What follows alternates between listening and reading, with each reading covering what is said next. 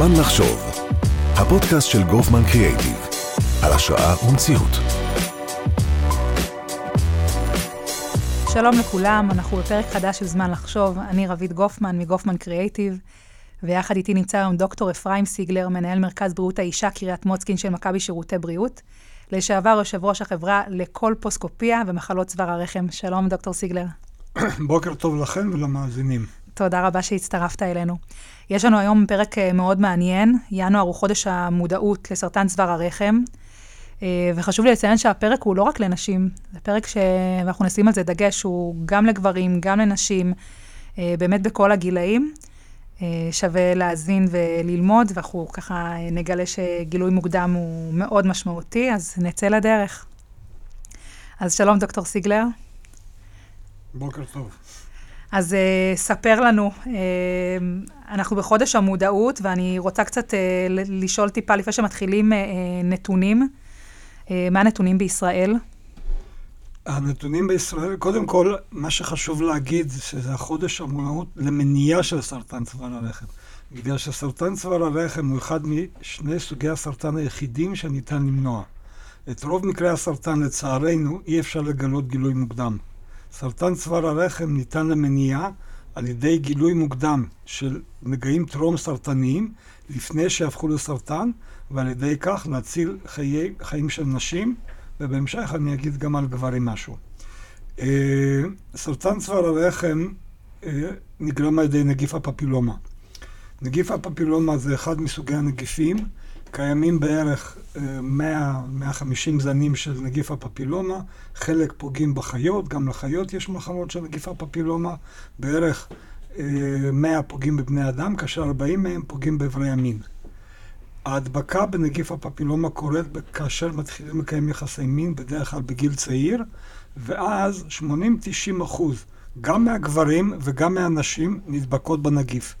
אנחנו לא יודעים את זה בגלל שב-90% מהמקרים הנגיף נעלם מהגוף בלי לגרום פגיעה ובלי לגרום נזק, ואנחנו לא יודעים שנדבקנו.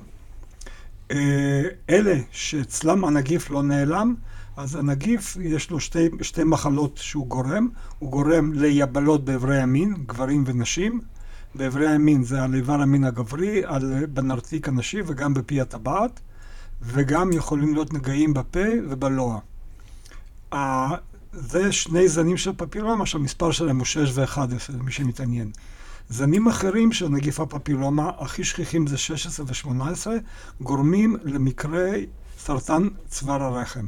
כאשר הם גורמים לסרטן בצוואר הרחם, סרטן של פי הטבעת, סרטן של איבר המין, סרטן של הנרתיק, סרטן של שפתי הנרתיק וסרטן של פה ולוע.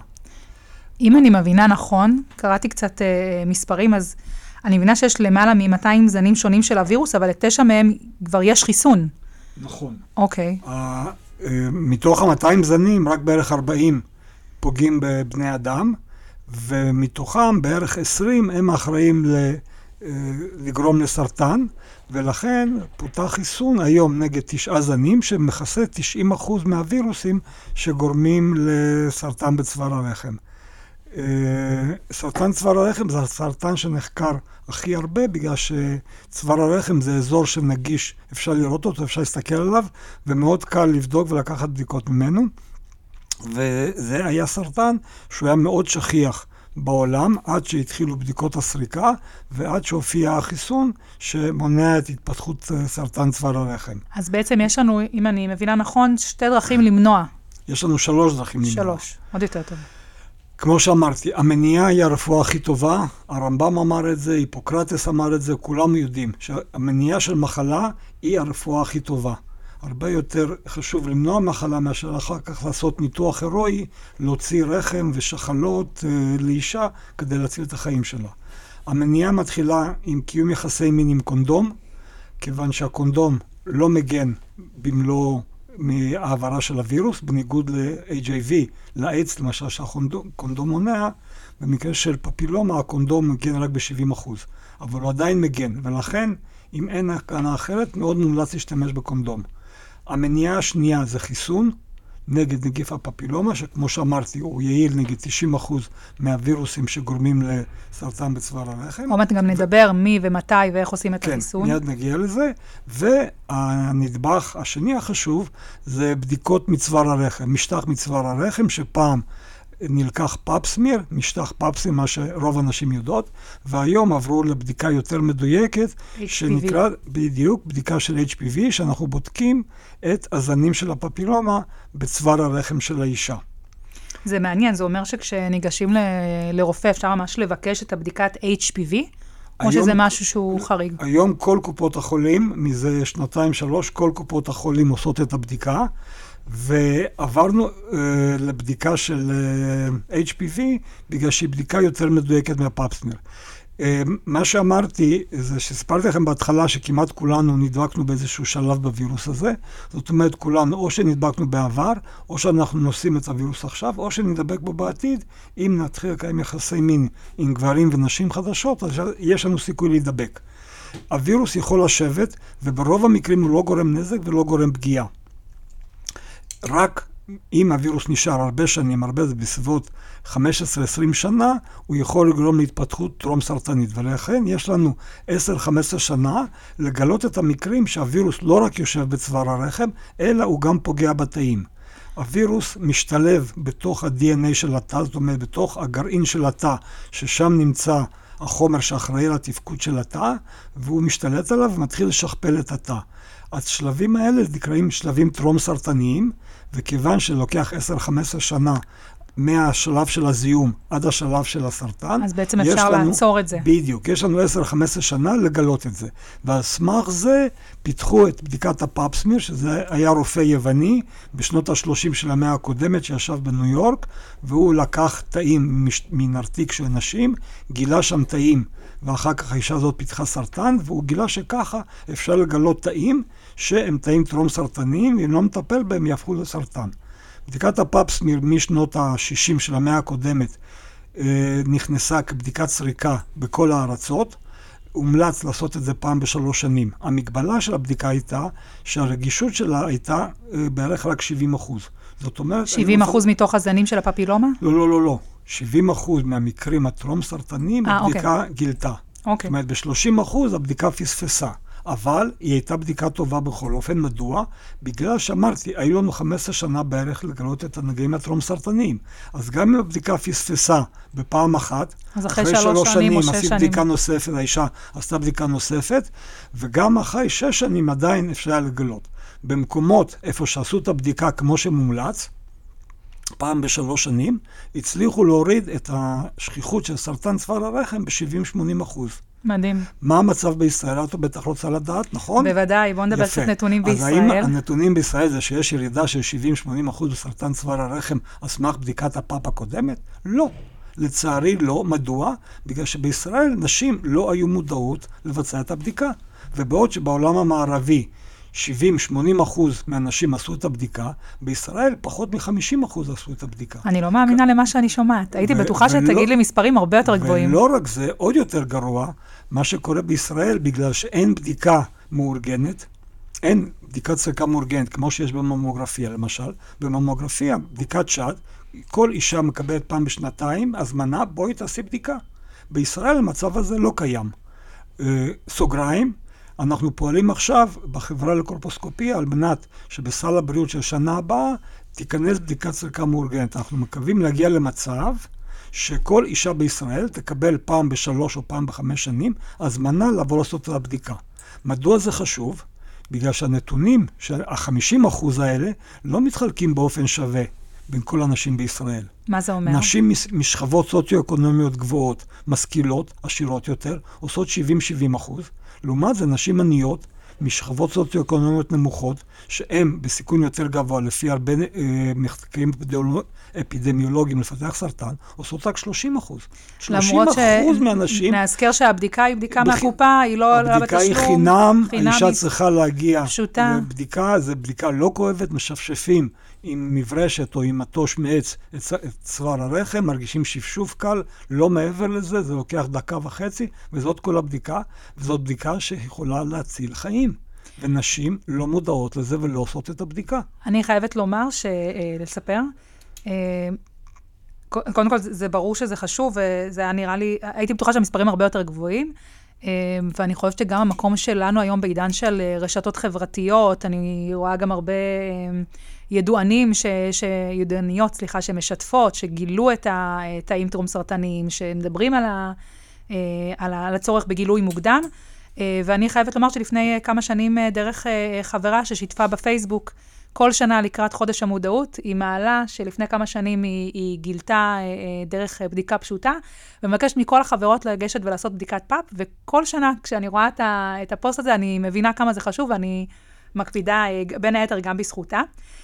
דיברנו על... זהו, אז בשנים קודמות עשינו כמה פעמים שבוע מניעת סרטן צוואר הרחם, שבדיוק עשינו את זה. דרך רשתות אה, חברתיות, דרך עיתונים, פנינו לידוענים, כדי שיסבירו את החשבות של הבדיקה ואת החשיבות של מניעה של סרטן צוואר הרחם. גלית גוטמן דיברה על זה בזמנו, זאת אומרת, יש באמת אה, כן, יש- חשיפה שהיא יש- רחבה. תראי, זה, זה, פעם הייתה איזו סטיגמה שזאת מחלה של אה, רק נערות ליווי וכולי. אין, זאת מחלה, ורק הן צריכות לעשות את הבדיקות. זאת אומרת, הייתה סטיגמה שרק מי שמקיימת יחסי מין עם הרבה גברים, היא צריכה לעשות את הבדיקות והשאר לא. והיו כמה רופאים בישראל שאמרו את זה. חד משמעית לא. זאת מחלה שפוגעת בכל אחת. אז אם זה באמת אה, פוגע בכל אחד, בואו נדבר רגע אה, על אה, גילאים, ודיברנו על נשים, מספרים. דברים, מספרים, סליחה, מספרים. חוזרת. בישראל יש בערך 200-250 נשים כל שנה שמאובחנות עם סרטן בצוואר הרחם, ובערך 5,000 נשים עם נגעים טרום סרטניים. המשמעות של, הנשים, ה- של, המשמעות של זה היא שמישהו שומע מספר כזה, רק 200 נשים, מה, רק בשביל 200 נשים צריך להשקיע כסף? אז כן, מסתבר, לא מדבר על החיים, לא מדבר על אישה צעירה שגוססת בגיל ש- בת 36, שאני הולך לבקר אותה כשהיא גוססת מסרטן, ואתה שומע את הילדות בנות שמונה בחדר. בוכות. זה מזעזע. אתה רואה כזה דבר, ואחר כך אתה אומר שאתה רוצה לעשות את הכל כדי למנוע את המקרה הבא. והמ- והמניעה היא כל כך קלה ופשוטה, שאני לא מצליח להבין איך עדיין נשים לא עושות את זה. אז, אה, אה, אז אלה המספרים, וגם אם אנחנו לא מדברים על חיי אדם וכו', גם מדברים על כלכלה, מה שנקרא תחשיבי עלות תועלת. זאת אומרת, היום אנחנו מסתכלים הרבה דברים על כסף. זאת אומרת, כמה כסף אתה צריך כדי להציל אישה אחת, ולפעמים אתה אומר, אני מצטער, אבל הכסף אה, הוא כל כך גבוה כדי להציל מקרה אחד, לא. אז לא כדאי להשקיע את זה. בישראל עשו תחשיבי עלות תועלת. זאת אומרת, כמה כסף אתה צריך להשקיע לעשות חיסון לכולם ולעשות בדיקות פאפסמיר, וכמה כסף אתה חוסך ואתה מציל במערכת הבריאות על ידי זה שאתה מונע מחלות, אתה מונע כימותרפיה, אתה מונע אשפוזים, אתה מונע פיצויים לאלמנות וליתומים, וחד משמעית, הבדיקות סריקה והחיסון הוכחו כבעלי עלות תועלת מאוד מאוד גבוהה. זאת אומרת, מה שאתה משקיע, אתה חוסך הרבה יותר כסף אחר כך, והקברניטים בישראל הבינו את זה, ומשרד הבריאות נותן את הבדיקה בחינם מגיל 25 עד גיל 65. אנחנו, אם אנחנו מדברים על גיל, אז עוד בעיה שקיימת זה בגיל מבוגר, נשים לא הולכות לרופא נשים ולא עושות את הבדיקה. ומסתבר ששליש מהנשים הן נשים מעל גיל 55. ש, ואנשים- שנושאות את ה... שסרטן צוואר הרחם, יותר, אה, שליש מהנשים עם סרטן צוואר הרחם הם מעל גיל 55, למרות שהן מהוות רק 17% מהאוכלוסייה. זאת אומרת, החלק שלהם בסרטן צוואר הרחם הרבה יותר גבוה. מדוע? בגלל שבגיל 55-60 נשים אין להם מחזורים, אין להם בדרך כלל בעיות גינקולוגיות, בדרך כלל רוב הנשים בגיל 60 הם לא בהיריון, לכן הן לא הולכות לנופא, לרופא נשים. אין מודעות לזה שאישה צריכה להגיע לבדיקה שגרתית אצל רופא נשים פעם בכמה זמן, והן לא עושות את הבדיקה, ולכן הן מגיעות רק ברגע שיש להן דימום או כאבים, וזה כבר שלב מתקדם של סרטן. בשלבים הראשונים אנחנו מצליחים להציל מעל 95% מהנשים. זאת אומרת, סרטן, יש לו שלבים, 1, 2, 3, לפי האם זה גידול רק בצוואר הרחם, האם הוא יתפשט לרחם, האם הוא יתפשט לאיברים אה, סמוכים וכולי. הפרוגנוזות, זאת אומרת, הסיכוי שהאישה תישאר בחיים בשלבים הראשונים של המחלה, כשהמחלה רק בצוואר הרחם, היא מעל 90-95 אחוז. זאת אומרת, אנחנו מצליחים להציל את כל הנשים אם הן מתגלות בשלב מוקדם. אם הן מתגלות בשלבים המוקדמים, אנחנו מצילים רק 50 אחוז מהן. זאת אומרת, הן מתות מסרטן תוך כמה שנים. עד בייסורים. איזה גיל נשים צריכות לעבור את הבדיקה? עד גיל 65 זה חינם בסל, וגם מעל גיל 65, איש- אישה שלא עשתה בעשר שנים האחרונות את הבדיקה, מומלץ שתעשה את הבדיקה. זאת אומרת שגם נשים מבוגרות, הן לא מודעות לזה אפילו. אני מודה שחידשת לי. בשביל זה אני פה. איזה כיף לשמוע. זה דברים באמת חשובים, ולהעביר את זה הלאה, הכי חשוב. בואו נדבר רגע על החיסון. עכשיו, החיסון זאת פריצת דרך שקשה אה, קשה היה, קשה היה להבין את החידוש הגדול ואת היעילות הגבוהה של החיסון הזה. נפתח סוגריים.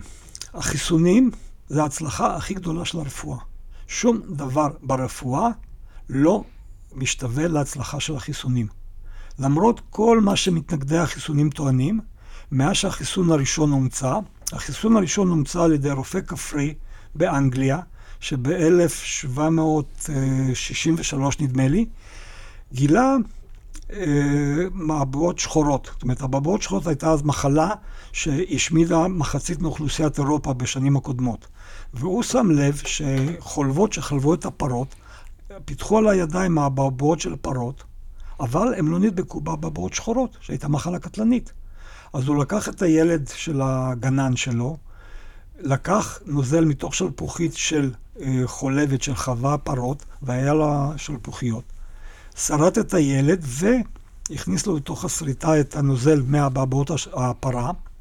אחר כך הוא הדביק את הילד באבעבועות שחורות, והילד לא נדבק באבעבועות שחורות. אני לא יודעת אם לצחוק או לבכות מהסיפור. לא, זה סיפור זה אמיתי. מצד אחד מציל את העולם, מצד שני, הילד. אז, אז זהו, היום אף ועדת הלסינקי לא הייתה מאשרת ניסוי כזה, אבל בכפר שהוא היה שם, כנראה שוועדת הלסינקי של הכפר אישרה את זה.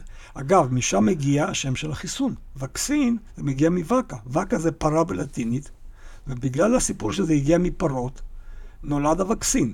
עכשיו, לקח 200 שנה שמאכלה של הבעבעות שחורות נעלמה מהעולם. ב-1970-80, ארגון הבריאות העולמי קבע שמחלת הבעבעות נעלמה מהעולם. אין יותר הבעבעות שחורות. 200 שנה של חיסונים השמידו את המחלה הזאת. בשנות ה-30, 40, 50 פותחו חיס- חיסונים נגד הרבה מאוד מחלות. דיפטריה ופוליו והדמת וחצבת וכולי. כל מחלה, ברגע שפותח חיסון, עשר שנים אחר כך המחלה נעלמה מהעולם. כיום לא תמצאי כמעט הדמת, לא תמצאי כמעט פוליו, רק בארצות נידחות, איפה שלא חיסלו את כל האוכלוסייה. או במוקדים, איפה ש... כמו בקליפורניה, שמחלת החצבת כמעט נעלמה, ואז אנשים אמרו, מה פתאום, לא צריך לחסן, אין יותר מחלה. אז הפסיקו לחסן. אז בשנות, בשנת 2000 הייתה קפיצה של מחלות חצבת בקליפורניה. למה? בגלל שחלק נסעו לרוסיה, רוסיה לא, לא התחסנו, וחזרו עם מחלה. וכיום החיסונים בכל העולם, הם הצליחו להכחיד 90 אחוז בערך, מעל 90 אחוז מהמחלות בעולם. ולשמחתי, החיסון הזה הוכיח את עצמו כאותה מידה. הוא מצליח למנוע 90 אחוז מקרי הסרטן. מדהים. החיסון פותח ב-2006, ובא... והמטרה הייתה לתת את זה לנערות צעירות לפני שמתחילות לקיים יחסי מין, על מנת לא להידבק בווירוס של הפפילומה. היום מחסנים גם, אה, גם היום נערים וגם גם- נערות. כן, ואני אספר על ההתפתחות של החיסון. בהתחלה היה חיסון רק נגד זן 1 HPV-16, שזה הזן הכי שכיח. הזנים 16 ו-18, אחריהם היו 70 אחוז ממקרי סרטן צוואר הרחם, סרטן פי הטבעת, סרטן של איבר המין, סרטן של פה ולוע. אז החיסונים הראשונים היו נגד 16 ו-18. חיסון נוסף פותח גם נגד זנים 6, 6, 6 ו-11, שזה זנים שלא עושים סרטן, אבל עושים יבלות. יבלות זה יבלות כמו כרובי, כרוביות קטנות על איברי המין, זה משהו מאוד מאוד לא נעים, כן, אנחנו ברדיו, אז אני לא יכול לראות תמונות, אבל uh, כל מי וטוב שיפתח... שכך. בדיוק, אבל כל, כל מי שיפתח גוגל ויכתוב קונדילומה, יראה איזה אה, נגעים יש, ואף אחד לא רוצה שלבן או לבת שלו, או לא עצמו, יהיו כאלה יבלות על איברי המין. אז היו שני חיסונים, אחד רק נגד 16 ו-18 למנוע סרטן, אחד נגד ארבעה זנים, 16, 18, 6 ו-11. כשהחיסונים הגיעו, החיסונים הוכיחו יעילות של מעל 95% במניעה של יבלות ושל נגעים מהווירוסים האלה. ואז החיסון אושר בתהליך מאוד מהיר על ידי ה-FDA האמריקאי ועל ידי הארגון האירופאי, בגלל שזה חיסון שמונע סרטן. אבל לא היו הוכחות בהתחלה, בגלל שאתה לא עוקב אחרי מישהו עד שהוא מפתח סרטן כדי לבדוק אם החיסון טוב או לא, כן. אבל לה, סיפרתי לכם שיש נגעים טרום סרטניים. מהרגע של ההדבקה והפגיעה בתאים בצוואר הרחם, אז יש פגיעות דרגה 1, 2, 3, שמציינים את החומרה של הפגיעה.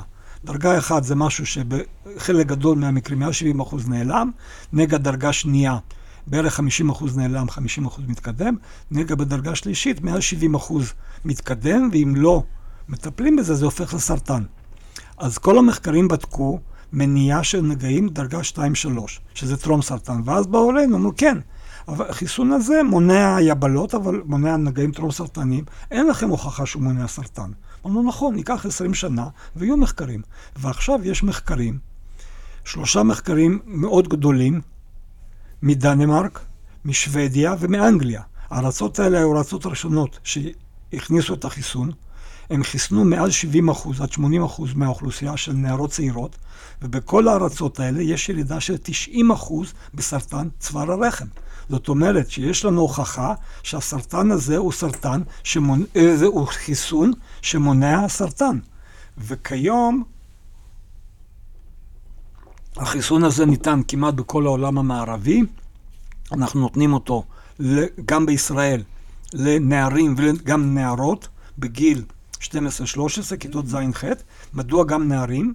בגלל שדי מהר ראו שגם הנערים, א', נדבקים בווירוס, ב', הם מעבירים את הווירוס. לנערות שמקיימים איתן יחסי מין. עכשיו, אנחנו יודעים שברפואה קיים מושג כזה שנקרא חיסון העדר.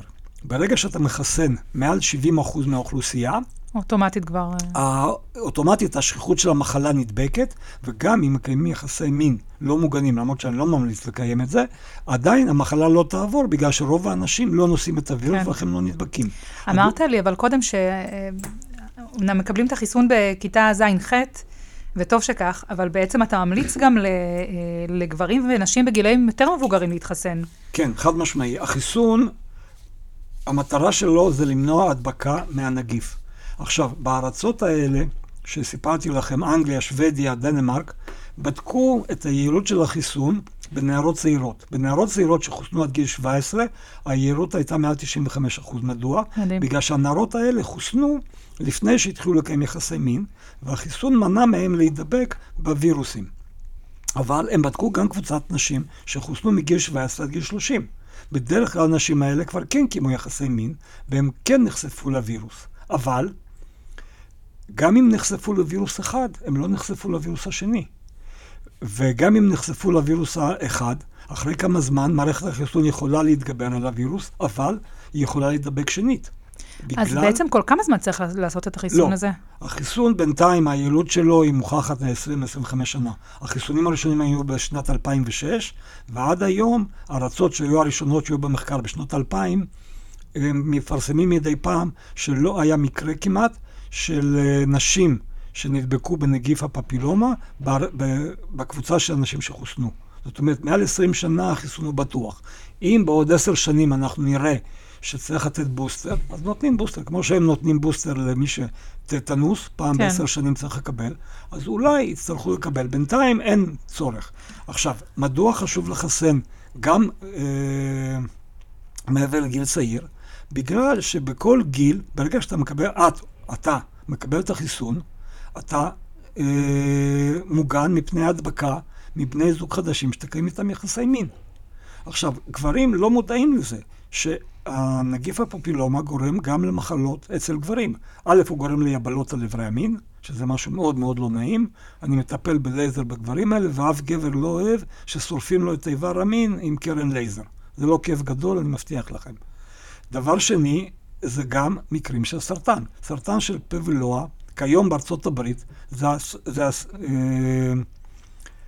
אה, סרטן הכי שכיח על ידי נגיף הפפילומה. פעם זה היה סרטן בצוואר הרחם, והסרטן צוואר הרחם יש ירידה, בגלל שיש את הבדיקות Pap smear שהיו. החיסונים אצל אנשים, הרבה יותר, הרבה יותר נשים מודעות לצורך להתחסן. והסרטן הראשון שבשכיחות עקב נגיף הפפיון בארצות הברית זה סרטן של פה ולוע, והגברים אה, חולים בסרטן של פה ולוע יותר מאשר נשים. תחפשו באינטרנט, מייק דוגלס הצהיר בקול גדול שהוא נדבק בסרטן של פה ולוע בגלל שהוא קיים יחסי מינורליים והוא נדבק בנגיף הפפילומה. וחשוב מאוד שגם גברים יתחסנו. עכשיו, החיסון, באמת היעילות הכי גדולה שלו היא בגיל צעיר, אבל בכל גיל קיימת מניעה. ובארצות האלה שבדקו את היעילות של החיסון בנשים מגיל 17 עד 30, ראו שגם בגיל הזה יש בערך 50% מניעה. זאת אומרת שגם מי שכבר מקיימת יחסי מין ומקבלת את החיסון, עדיין ב-50% היא תמנע את סרטן צוואר הרחם. אז אם אנחנו עכשיו, באמת רק, רוצים... רק דקה, זה לא אומר שהיא חייבת, שהיא יכולה לא לעשות את הבדיקה של משטח מצוואר הרחם. גם מי שהתחסנה חייבת להמשיך לבצע בדיקות משטח מצוואר הרחם, כמו שמומלץ. אז אה, באמת אה, אנחנו, כמו שאמרתי, בחודש, אה, חוד... ינואר הוא חודש המודעות.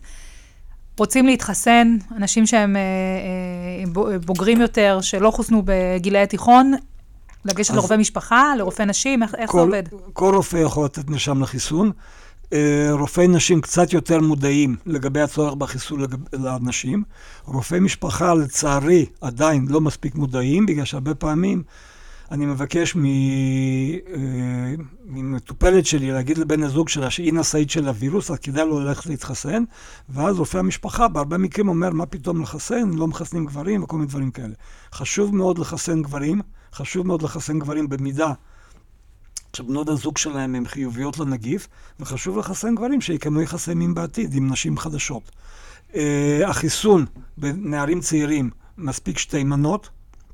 מעל גיל 15 נותנים שלוש מנות של חיסון. Uh, זריקה כעת, זריקה אחרי חודשיים וזריקה אחרי חצי שנה. החיסון מסובסד על ידי קופות החולים. זה עולה בסביבות 300 שקל למנה. זאת אומרת, זה 900 שקל שלוש מנות. החיסון מסובסד עד גיל 45, אבל גם מעבר לגיל 45, אה, נשים שמתחילות מערכת יחסים חדשה, נשים שמתגרשות, נשים שמתאלמנות, נשים שמוצאות מאהב צעיר, או אם הבעל מוצא מאהבת צעירה, אז גם מעבר לגיל 55 מומלץ להתחסן. זה מחיר מלא, אבל כדאי. שווה את המחיר. וואו, היה פרק מרתק. רק דקה, עכשיו רק מילה אחת להגיד על הבדיקות, אה, בדיקות סריקה של צוואר הרחם, מה שהיה פעם פאפסמיר, וכיום זה הפך ל-HPV. מה שאמרתי לכם, שבדיקות הפאפסמיר היו בדיקות מאוד יעילות, הם הצליחו להוריד ב-70%, 80% את התמותה, אבל בגלל הרגישות הנמוכה שלהם, בגלל שהפאפסמיר מגלה פגיעה בצוואר הרחם. זאת אומרת, האם הווירוס עשה נזק בתאים, אז אנחנו מגלים את זה בתאים שאנחנו עושים מצוואר הרחם. רוב העולם המערבי, כולל בישראל, כל קופות החולים, עברו לבדיקה שאנחנו בודקים ישירות את הזן של הפפילומה במשטח בצוואר הרחם. הבדיקה נלקחת אותו דבר כמו פאפסמיר, עם מברשת קטנה מפלסטיק, מניילון, אוספים תאים מצוואר הרחם, שמים את זה בתוך בקבוק. הרגישות של הבדיקה היא מעל 90%. זאת אומרת, שאם האישה היא שלילית ל-HPV, אז אפשר לחזור לבדיקה פעם בשלוש שנים או פעם בחמש שנים, ועדיין בטוחה שלא תפתח סרטן, מעל 90 אחוז, בגלל שגם אם היא נדבקת במשך השנים האלה, עד שזה יהפוך את טרום סרטני וסרטני, זה ייקח הרבה שנים.